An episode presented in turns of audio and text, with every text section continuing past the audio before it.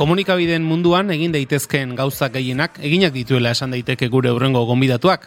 Prentsa idatzirako piezak irakurri izan dizkiogu, irratian entzun dezakegu eta telebistan ere saltza askotan ikusi izan dugu. Urte desente egin zituen Euskal Telebistan arlo ezberdinetan eta besteren artean 2000 eta amaseitik emeretzira eite beren korrespontxala izan zen Latinoamerikan.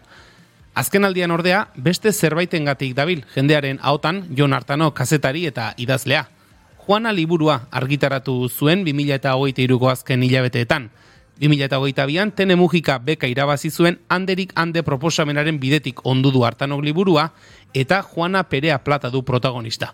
Mila bederatzireun hogeita amazazpian, Bilbotik giesi Bogotara iritsitako Euskal Familia batean jaiotako ardibeltza liburuaren sinopsiak berak dioen moduan. Bagenuen gogoa, Jon Artano izeta laborategian ikusteko, eta proposamenari baiezko eman da, hemen dugu. Egun honetan ongi etorri bigarren kafera, Jon. Egun hon, Julen, da egun hon, hoi. Jarri duz orpi arraro xamarra, idazlea zarela esan duenean Julenek. Ba, oitu egin beharko dut, ez dakit, bai, hori, bai, hori, kosta egiten da, ez dakit, ez dakit, ez dut uste, bo, ez dakit. Kazetaria naiz, hau kazetaritza lan bada, uh -huh. beraz, aurrena kazetaria naiz. Bueno, kazetaria idazde xamar ere bada, e, gidoi osatu egin behar da egunero egunero irratxa bat egiteko, eta... Hori ere egia da. Bai, guk eh, takateko mordoa, gore, irratian esaten dit, gehiegi idazten dugu, gehiegi. Irratian esan egin behar da, eta ez irakurri, eta nik lankide esaten dit, ez da gizuek nola modatzen zarete, baina gure reakzioan beti takatakatakatakatakata, hori, hori entzuten da. Egiten dituzu idazleen kontuak? Hau da, e, kafetegietara joan zu bakarrik apunteak hartzera, diru asko gastatu boligrafo garestietan, eta noiz behinka asteburu pasa landetxe batera joan e, giltzapetu eta eta inspirazio bila.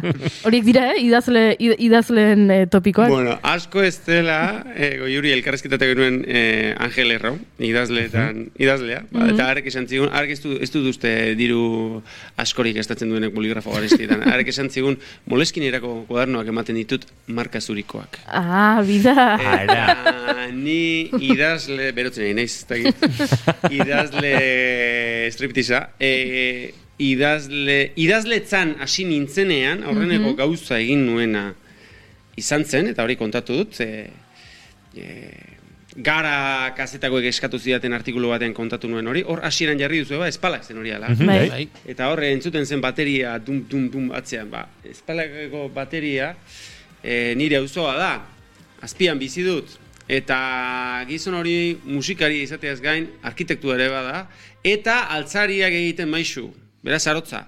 Eta ari eskatu nion, eskritorioa. Epa! Ze, idazle bat, idaz mairi gabe, ze, eta nik ez nuen, idaz mairik. Mm -hmm. Eta orduan, arke egin zian, idaz maia. Hori zentzen aurreneko, harria. Ez zegoen hausos aukeratuta, bestia, den esan behar da, bagen nuen, hori, lekarrez eta prestatzerakoan, e, harrapatu dugu, no, anekdota, eh, anekdota hori, eta bagenuen horren inguruan hitz egiteko asmoa, baina tira, e, zuk zer horrik esan duzunez. E, Jon, esan dugu, saltxe askotan ibilia, ez dakit, saltxeroa, egun ezin handikoa, jakemin handikoa. Igual, e, bai, e, ez dakit, ez dakit nola esan. E, bueltak eman izan dizkiot horri, eh? E, batetik iruditzen zait, mugitzea bizi garenaren seinale dela eta nik eh, bai, leku askotan egin dut lan, erredakzio askotan ibili naiz eta uste dut gertatu zaiden gauzorik eta ederrena edo bilatu duen gauzorik eta ederrena hori dela. E, jende desberdinarekin da lantalde desberdinetan moldatzea eta hori mundiala izan da. Aldi berean, iruditzen zait norberak duen onena emateko eutxi egin behar dela lekuan eta iraun egin behar dela eta orduan ba hori dikotomia hortan pixka bat hor nago ez dakit orain konparazio batera irratien ari naiz da oso gustora ari naiz eta oso oso sorteko e, sentitzen naiz Euskadi irratian e, dugun lantaldearekin Faktoria magazina eta oroar eta ez dakit ba hori ba, batetik e, ederra da batetik bestera ibiltzea gauza berriak ikastea eta bestetik iruditzen zait norbera duen honena emateko egon iraun egin behar dela. Horeka hori ez, bilatzea kaso, e, leku batean erroak botatzeko zuke denbora behar da, baina aldi berean, ba, aldaket eta ere ba ez dakite esan duguna ez ezin egon puntu hori izan ezkero aldaketa aukera etortzen denean ere horri muzin egitea akaso ez da erresa izango Ja, e, ez da beti nik bilatutako izan aldaketa, baina bai, askotan bai. Zenbaitetan e, hori lan baldintzen kontuak izan ziren, ba, proiektutan hasi eta haiek e, amaitu eta edo norberak ikusi, ba, soberantxa edo zegoela, edo dene, denetik izan da, baina egia da, e, batetik bestera ibili naizela. Hori egia da. Mhm.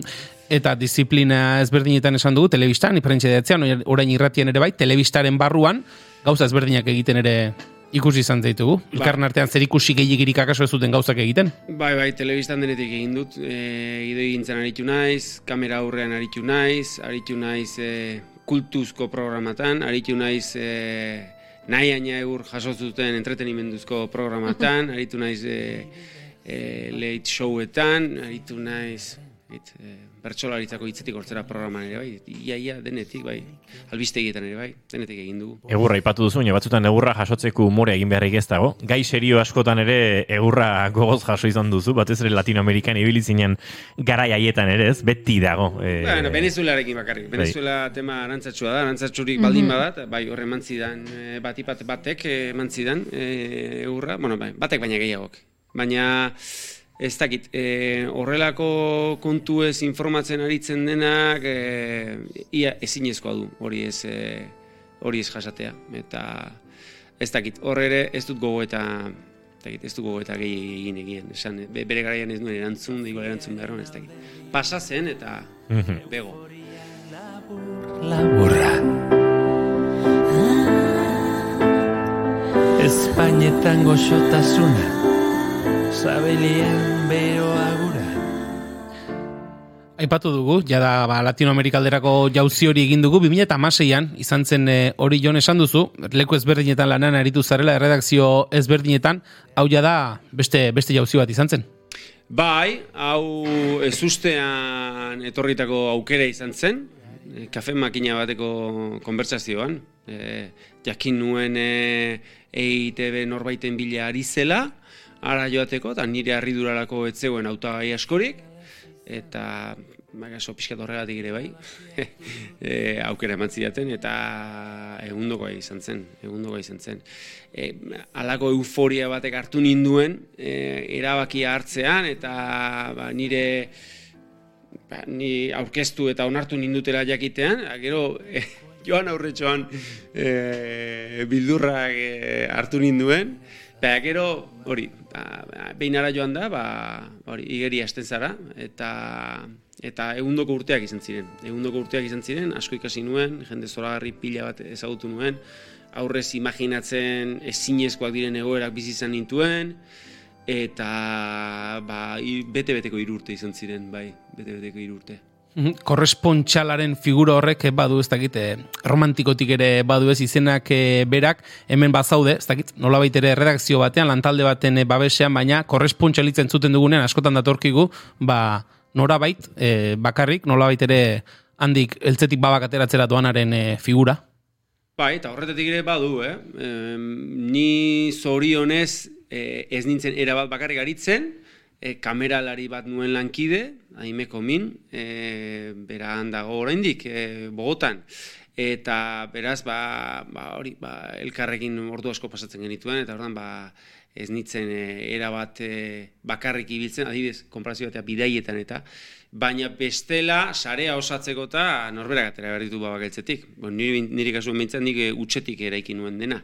Eta hori ez da erraza, hori ez da erraza. Eta, baina, tira, ba, egin genuen, e, saiatze estenak, e, ez du jakingo ez dakit, e, intuiziori jarraiki eta eta ba, esenari jarraiki osatu genuen, eta ja, orain, e, idazketari eman egon naizen e, bolara honetan, e, Juana idazten, bueno, Juana eta nik egin nuen bidei hartako, handerik hande egindako bidei hartako kontuak eta papeleratzen aritu nahi zenean, egon naiz, eh, erdi neure buru, erdi ez, osorik neure buruari emanak kastaritza eta ez fikziozko kastaritza lan luzeak idazteaz eta eta e, podcast bat entzuten egon naiz long form izena du, e, ingelesezko podcast bada, estatu batuetan egiten dutena, eta ale bakoitzen elkarrezketatzen dute, i luzerako, iraupen luzeko el kastaritzako lan bat, edo ez fikziozko lan bat egin duen egile bat. Izan daiteke dokumental bat, izan daiteke kronika bat, edo saiakera bat, elkarrezketa bat, edo... Eta hor sarritan entrevistatzen dituzte korrespontsalak eta bai, nirekin zerikusirik ez duen jendea da. E, beste eskarmentu batekin, beste ibilbide batekin, beste jatorri batekin, beste leku batzuetara joan da. Baina bai, ba, baude, baude, gutxen espero duzun jendearen ahotan entzuten dituzun egoerak, eta zu, ostra, ni neure uno, pa hortan, nora jo arrastorik gabe, aztarrenik gabe, erdi eskean denei, e, ba, zeure sarea osatu behar duzulako. Ara, telefono agendan e, zenbakeri gabe iristi baldin bazara, ba, zeuk hasi, behar duzun mugitzen, e, albisteak topatzeko eta sarea sortzeko, eta hori, e, geure lana hango realitatea kontatzea da, eta bai, gogorra da hori, baina ederra ere, bai.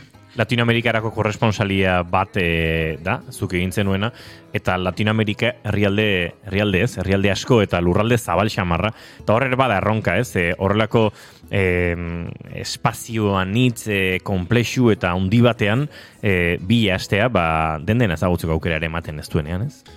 Eta ez zidan eman, eta nire arranguretako bat, eta nire frustraziotako bat pikin bat hori izan zen. E, bueno, ez nitzela nik nahiko nukeen, da nire ustez behar nuen adina mugitu hainbat arrazoiren gantik. Mhm. Luze joko luke horiek aletzeak eta eta komplikatu da, eta denak ez dakizkit, baina bueno, kontua da, enitzela nahi aina mugitu. Ez e, Latinoamerikan, ez da Kolombian bertan ere, Kolombia...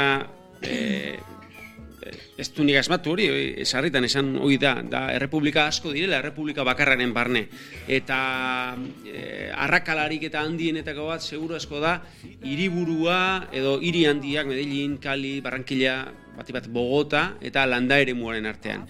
Eta gauzak, generalean landa ere gertatzen dira. Kolombiako e, gatazkari pixka bat e, hango berri baduenak gatazkari lotuta burura etortze zaizkigun gertaera larrienak eta hoiek landaren moan gertatzen dira. Eta landan ere mura joateko hartu behar duzu egazkin bat, joan behar duzu iriko eskor batera, gero eh, errepiez egin behar duzu ordu batzuk, gero trotxaz, antrotxaz esaten diote mendiko bide txurrei eta egin behar duzu lurro hortariko ibilgailu baten beste ordu mordo bat, edo kanoa baten ibaian, eta eh, bueltan bueltan bi, bi egun behar dituzu, bi egun terdi, albistea gertatzen ari den lekura. Urbiltzeko. Bakarrik iritsi egin zara. Gero kastaritza egiten hasi behar duzu. Eta beste hainbeste da itzultzeko. Ez da oso errentagarriak akotxa artean, agian e, ba, zu informatzen nahi zaituen medioaren zat, eta bueno, hori izan da e, arrazoietako bat seguru asko nik nahi aina ez mugitzeko, eta Hane, hango kazetari beteran honik gaina ezagutzeko zoria izan nuen, e, egiaren batzordeko kidere egin zutelako, Kolombiako kastari errespetatuenetako bat zen Alfredo Molano, ark esaten zuen, e, herrialde hartan kazetaritza asto gainean egin behartzela, mendi, mendi bidetxurretan. Eta nik hori gutisko egin nuen sentsazioa nuen, eta pixka bat, ba, kontukitatze bat izan da liburua horrekiko. Agian, e, korresponsalia bat norbait buruan e, kokatzen duenean, bururatzen duenean edo e, luzerako ere e, den zerbait e, ikuskatzen du, eta gero, ba, bueno, zure kasuan irurteko e, espazio bat izan zen. Ez dakit asiratik bazenuen zuk jaion buruan, hau e, gutxuera bera horrelako zerbait izango da, e, joan eta ikusiko dugu, e, ondoren, e, bueno, ba, gertakariek pixkanaka, pixkanaka pentsara zizuten Euskal Herriako buelta, nol, nol, nolako izan zen hori guztia? Ez, hasieran, e, behintzate, e, ba, hori, ba, normala denez e, urte beterako edo idea gutxienez baduzu mhm. eta nik e, gehiagorako ere bai gainera oso oso garai e, berezian joan nintzen ni ni iritsi nintzen 2008ko irailaren amaikan abiatu nintzen hemendik eta Kolombiako estatua, segun zeinik galdetzen diozun, gobernua, Kolombiako estatua eta FARC Mm, mende erdiz e, gerran aritutako bi alde horiek bakeak ordioa sinatzea zeuden. Mundua zegoen Kolombiari begira orduan. Eta ez hori bakarrik e, gero e, bake hori sinatu zuten hil hartan bertan eta gero plebizitu egin zuten eta herritarrek e, errefusatu egin zuten, aukera hori, eta gero, bueno, ez dakit horitzen duzuen, e, uh gertaera segida hori dana, gero bakearen Nobel saria eman zioten Juan Manuel Santosi, eta alako konpontxo bat egin zuten, aurra aurrera ateratzeko, eta oso une berezia eta oso abiada bizikoak izan ziren hilabete haiek. eta ez bakarrikan, e, han iritsi berritan, e, Kolombiakoa baritu zegoen tartetxo batean Fidel Castro hiltzen. Orduan, e, izan zen oso arrapalada bizian joan ziren e, aurreneko hilabete haiek.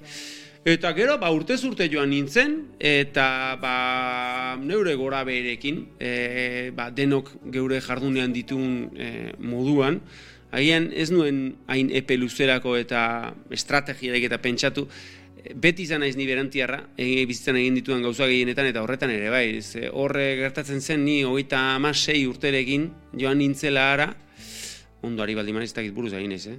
Eta amasei, Behitzat kontua da, e, nire kolega gehienak, inguru marian nituen kazetariak, nirekin lanean aritzen zirenak, eta lanetik kanpo ere bai, Keintxuna ni baino desente gazteagoa zirela, ni baina askoz eh, eskarmentu handiago izan arren da, hori pixka bat bazen xelebrea.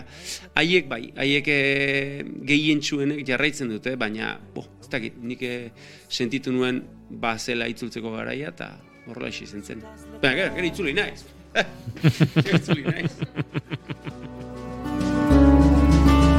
Non Kazetariak eh, amesten du askotan arnaz luzeko kazetaritzarekin. Tira, izango da, arnaz motzean ere eroso dabilenik eta kazetaritza hori gustoko duenik, baina askotan goratzen da, ez, arnaz luzeko kazetaritza. E, horrelako lan batek, e, korrespontsalia batek ere, ez du, akaso norberak nahi luken bezain arnaz luzean e, jardutea albidetzen beti, eta akaso eskuartean duzun liburu hau bada, ez, arnaz luzean aritzeko, lehen aipatu duzu, e, bueno, iriburetatik urruntzerako ba, gabezia horretan nolabaite alako pakea sentitu duzu lan honekin, akaso arnaz luzean aritzeko aukera ere eman dizun e, lana badaion? Bai, badira, e, badira korrespondsalak eta kazetariak, ba, hori, ba, pieza luzeak eta idazteko aritzen direnak, e, John Lee Anderson elkarrezketatzeko aukera izan nuen Venezuela, harrek New Yorkerren, New Yorkerren egiten zuen e, lana, okarrezpa naiz, eta eta mordoa orde, ez tekitzen bat, dolar, dolar, batzuk ordaintzen zizkioten hitzeko edo. Diru mordo bat ordaintzen zioten erreportaje baterako. Gizon hori mugitzen zen, ara, uh eta arrek horrelakoak, eta gero liburuak, eta baina gehien, gehien, gehienak, e, eunetik laro eta amazazpi, ari dira, eunean eunearekoarekin, eta entrega epe egin itota, eta zenbaitek, ni baino, e, doatsuagoak eta gaituagoak izango dira, ze, biztan denez, e, lan hori egiteaz gain, e, Aztea, liburuak idazteko da beta ateratzen dute, eta dokumentalak egiteko nik ez. Eta nik eten bat behar izan nuen, baina bai, horri erantzuteko zera ere bada. E, nik pentsatzen dute berez kastaritzan e, funtsean dagoela edo gon beharko lukela empatiak eta historia kontatu behar dizunari begietara begiratzeko modurik eta honena ez da leku batera joan eta handik biegunera berriz e, egazkin hartu beharra. Hori bapateko, bapateko tasuna behar da, kastaritza egiteko, mm zenbaitetan ezinbestekoa da, baina beste hau ere behar da gauzak e, pixka bat e, beheragotik eta hobeto ulertzeko eta sustraietara joateko. Beste hori izan zen akaso, Jon, e, handerik hande proiektu edo bidai hori? E, bai, bai, era bat horren bilako zerbait izan zen. Eta, bai, kontukitatze bat, edo pixka bat nire antziak eta hoiek bideratzekoa. Ez bakarrik korrespontsalian pilatutakoak, ba, lehendik ere banuelako aitortu gabeko desio hori idazten ahal egintzekoa, eta, eta kazetaritza egitekoa, eta gero hori hiru urte manituen eh, han korrespontsal, baina nik eh, enintuen ezagutuen ituen zapaldu gara hartan konparazio batea, ez, ez Ecuador, ez Bolivia, ez Peru, eta, bueno, banuen e, hoietan ibiltzeko gogoa eta grina eta banituen historio batzuk behiz jota, beste batzuk bilatu egin nituen, eta horregatik erabaki nuen e, nire lanean estentzia bat eskatzea eta diseinatzea bideia hori, eta hori izan zen nire apostua, zedentzia eskatu nuen, eta tene mugika beka ere begiz jota nuen, eta eskatu nuen, da nire proposamena aurkeztu nuen, da hautatu zuten, eta bai, ba, horri erantzuteko nire modua izan zen bai. Handerik hande proiektu horretan, esan duzu, bidaia bat, herrialde ezberdinetan, historio batzuen arimutur batzuk bai bazenituen, baina pentsatzen dut bidai horretan beste mordoska bat ere zakuan, sartuko zenituela.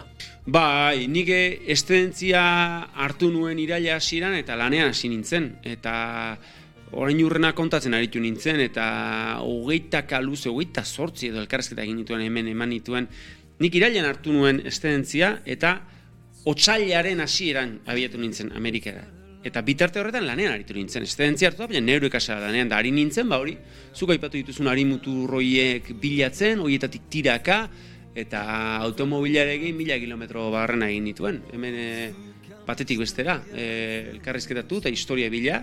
Eta gero ara joan nintzenean horietako batzuk oso emankorrak izan ziren, beste batzuk ez, beste batzuk bidean aurkitu nituen, e, batzuk nahi eta iaia obsesinatu ere bai hau atera behar diat, eta gero ara joan da aztarrenik ez. E, baina bai, gutxi asko hemendikan eraman nuen alako ideia bat, eta nike handerik hande proiektu horretan nahi nuen, handeek zeharkatzen dituzten herrialde guztietan ibili. Herrialde horiek zazpi dira Argentina, Chile, Bolivia, Peru, Ecuador, Kolombia eta Venezuela. Eta Venezuelara enintzen iritsi, baina besteetara bai, eta ba, denetan nituen historiaren bat edo bi begiz jota, eta ba, banuen, beraz, e, bide horri bat, eta hori jarraitu nion. Eta gero beka, esan duzuten emugika beka hori ere, bazenuela nolabait begiz jota, horre berak ere jada, e, hasi astapeneko itxura mate hori edo mugatzen du, ez da esan edo proposamena aurkeztu behar da, naiz eta gero, azkenean, ba, handerik hande zen hori, joanan bihurtu den. Bai, bai, mugatzen du, eta zenbaitek ere hasieran eh, erdi aur, muzina edo egin zidan aurpegien historia kontatu nionean, baina nik uste dut bete-betean e, uztartzen dela e, beka horrek eskatzen duena eta nire asmoa eta beka horrek Euskal, Euskal Herriko historia hurbila ezagutzera emateko ez fikziozko liburuak sortu nahi ditu. E, eta nik nire tesia zen, da oraindik, e, Euskal Herriko historia hurbila ez dela Euskal Herriko mugetan kabitzen.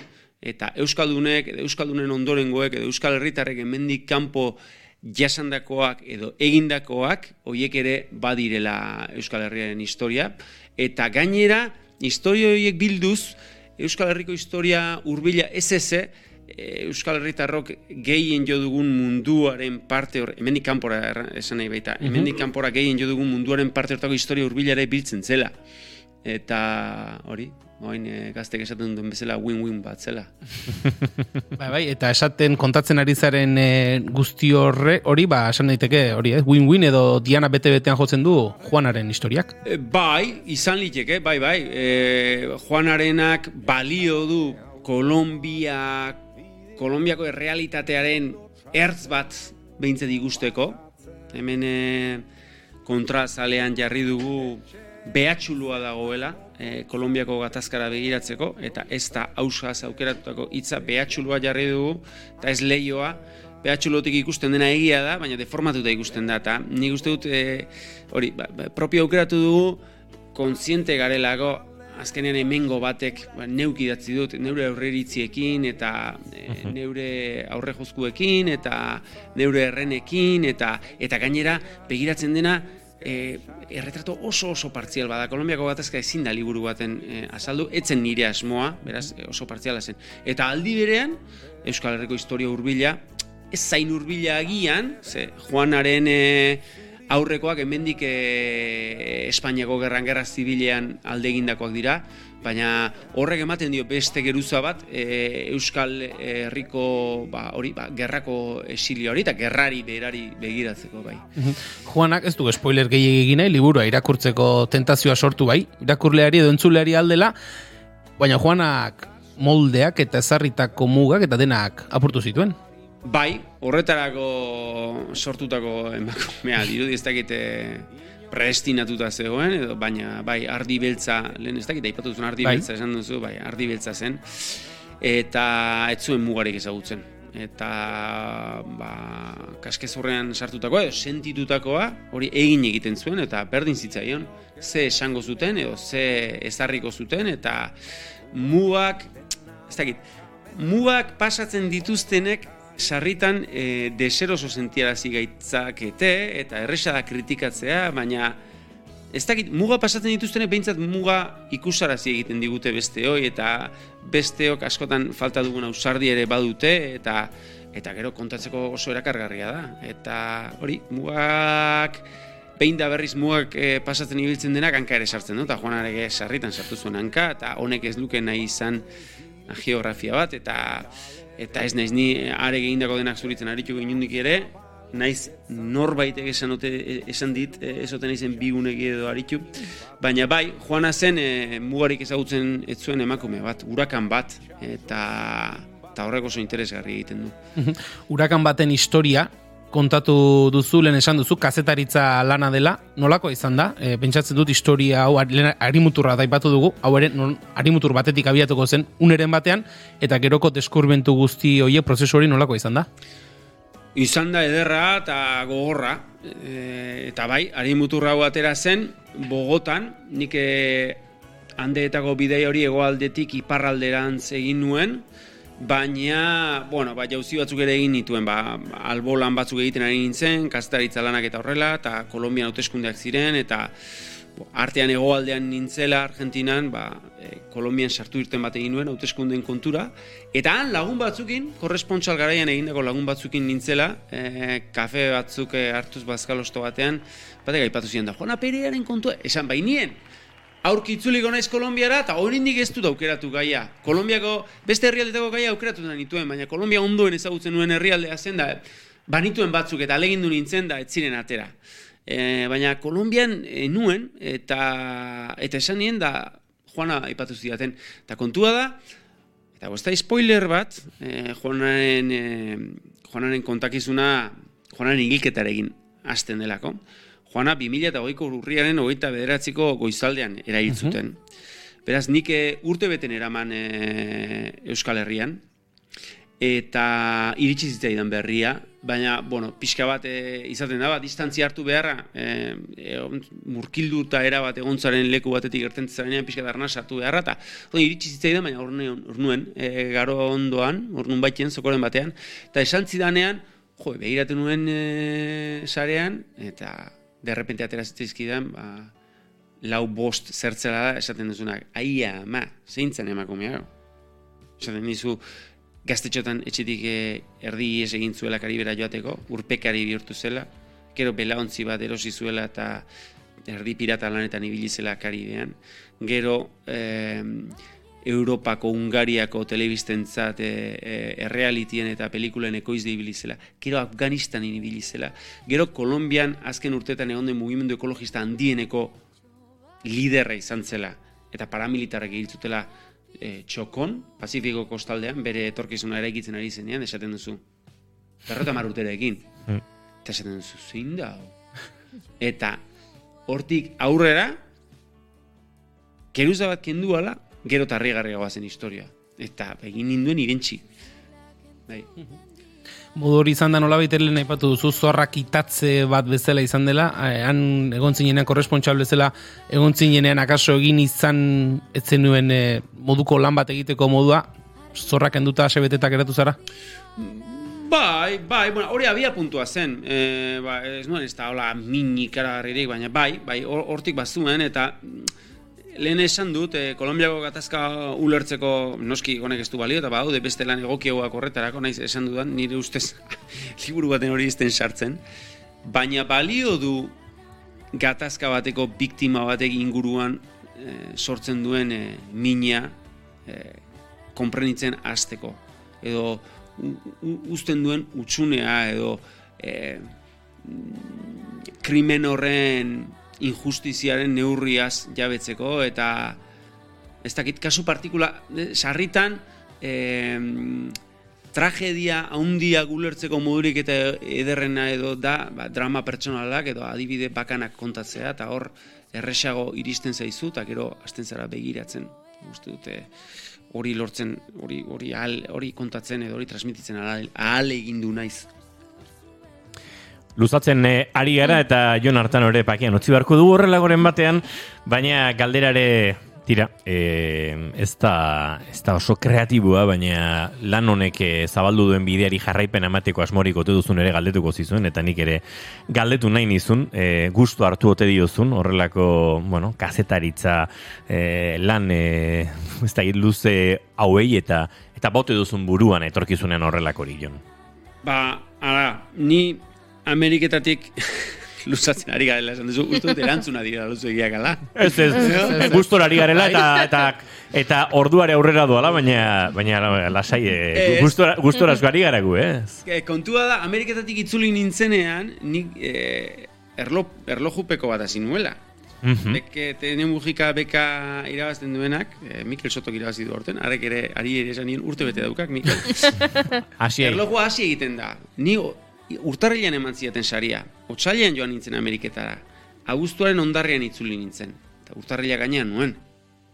Orduan, itzuli nintzenean, nonbaitetik hasi behar, nik sei hilabete eman nituen, sei hilabete eta egun batzuk eman nituen historio biltzen. Hasi Argentinan eta hande guztiak korrituz, e, Kolombian amaitu arte. Nunbaitetik hasi behar. Eta hasi nintzen, azkena bildu nuen historiagatik. Batetik historiak era bat irentsi ninduelako, historia oso potentea zela iruditzen zitzaidalako, buruan ere freskoena urasen nuelako, eta nonbaitetik hasi behar nuelako.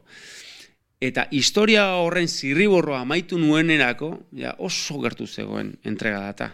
Eta horre, e, ba, luzapen batzuk eta erregutu, eta eman zizkidaten da hola, baina alako batean ikusi nuen udaberrian. Etzela modurik, nik hasiera batean buruan nuena liburu batean sartzeko. Niretzat idatzi nuenean, zirriborroa hori, nire liburuaren azken kapitulua zen. Eta etxi nuenean, e, ba, editoreak eta ikus zezan ez nengoela besoak antxumaturik, eman nion zirriborroa eta berak esan zidan, hemen liburua daukak. Baina, nik zirriborro hori amaitu nuenean, artean jarraitu egin nion idazten. Orduan bai hasieratik, Argentinatik. Beraz, e, bai, horri alde mordoska bat baditu zikinduta. Eta hoiekin ze pasako den, ba, ikusiko dugu.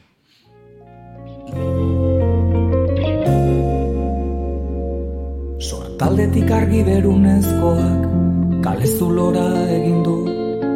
Jende bakartu Jon Artano, ba, plazerra da, zurekin e, aritzea. Beste kaferen bat hartzeko aukera emango digu ziure etorkizunak eta zikindutako horrialde horietatik edo horri horietatik ateratzen diren horrialde, baina agurtu egin bartzaitugu. Beraz, e, mila mila esker gaur gurera hurbiltzeagatik, segi gogor lanean, e, segi gogor e, idazten, hizketan eta batez ere entzuten, entzule, entzule ona da, Jon Artano. Ez du gortaz hitz baina kaso beste batera gutxi beharko dugu. Bera entzule fina dela eta entzuten ere gauza, gauza ederrak sortzen dituela. Beraz, e, eutxi horri eta mila mila esker. Eskerrik asko zuei. denboralea gogor joa zaldaizea desgaraian gauden aldian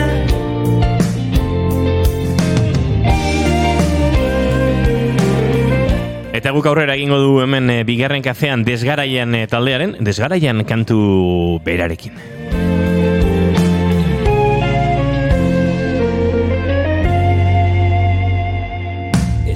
Esporetan barreiaturik heldu den neguak ezagundu Betiko geratu behar duela.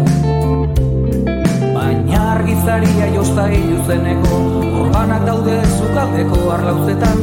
Ez dote zenbat hartatzeura bagunea Zoruaren azalea